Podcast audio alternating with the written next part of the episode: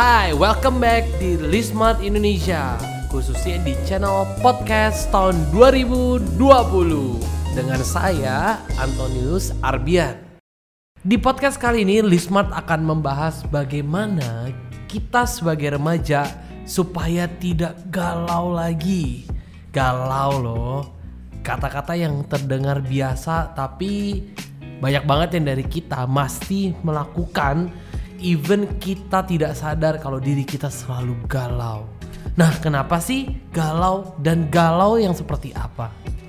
Galau di sini adalah di mana kita berasa hidup itu tidak adil, hidup itu tidak sempurna.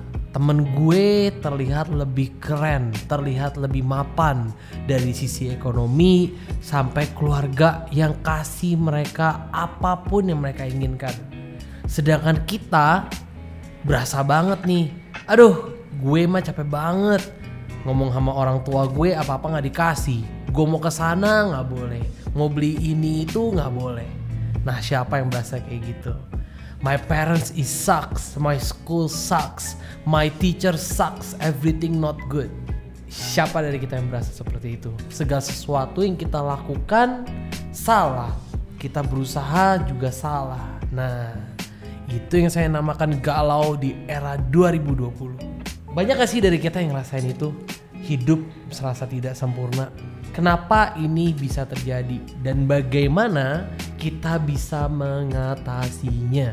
Nah, di sini Lismart akan membagi kamu tips bagaimana bisa mengatasi kegalauan kamu, tapi yang udah pastinya tidak bisa secara instan. Nah, gue ngomong apa adanya, gue nggak mungkin kasih kalian tips yang bullshit, di mana segala sesuatu itu terlihat instan dan mudah.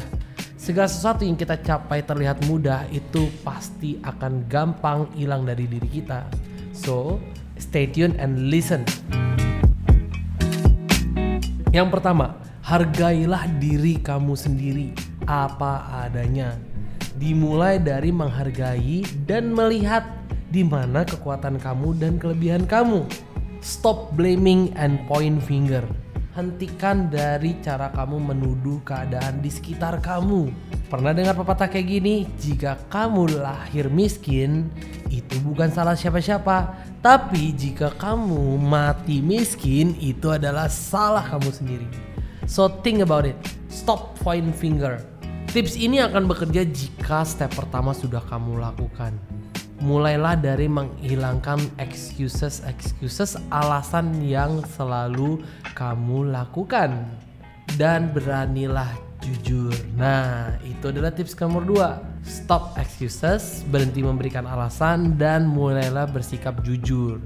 Gak perlu jujur sama orang lain terlebih dahulu sebelum apa? Sebelum kita bisa jujur terhadap diri sendiri. Banyak kan di lingkungan sekitar kita yang ngomong untuk mengoreksi kehidupan kita sekarang kayak lu masih males, bangunnya mungkin siang, and then you never appreciate people, you never listen to people. Banyak gak dari kita yang ngomongin diri kita seperti itu?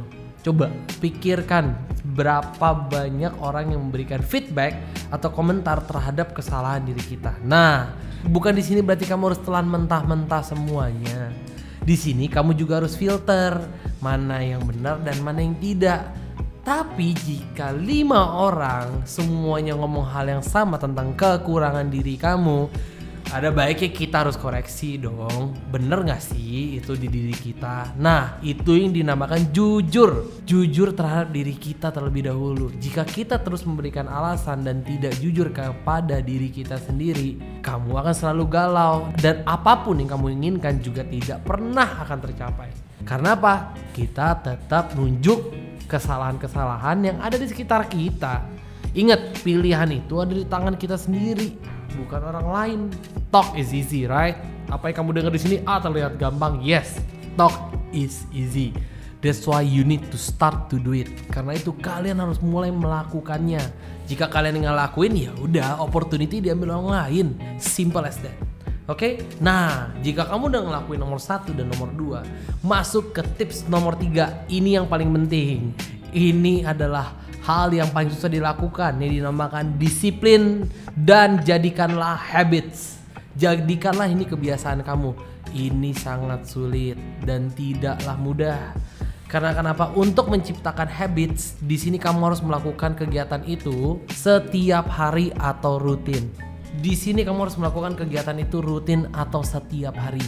Jadikan ini menjadi something aktivitas di alam bawah sadar kamu mulai dari melatih kejujuran kepada diri kamu sendiri, mulai dari stop blaming other people and your environment, itu kamu lakukan sampai di alam bawah sadar kamu. Jadi kamu ngelakuin ini tanpa sadar, oh gue udah menjadi orang yang berubah, gue menjadi orang yang bisa menghargai diri gue sendiri. Nah, di sinilah kamu bakal merasakan perbedaan di kehidupan kamu. Ingat, ini butuh proses. Dan terkadang proses ini tidak bisa dilakukan oleh diri kamu sendiri. Di sini kamu perlu support dari teman-teman yang bisa kamu percaya atau keluarga kamu yang bisa kamu percaya untuk membantu dorongan mencapai apa yang kamu inginkan di diri kamu. So, start to do it and stay tune di episode selanjutnya Lismart Indonesia.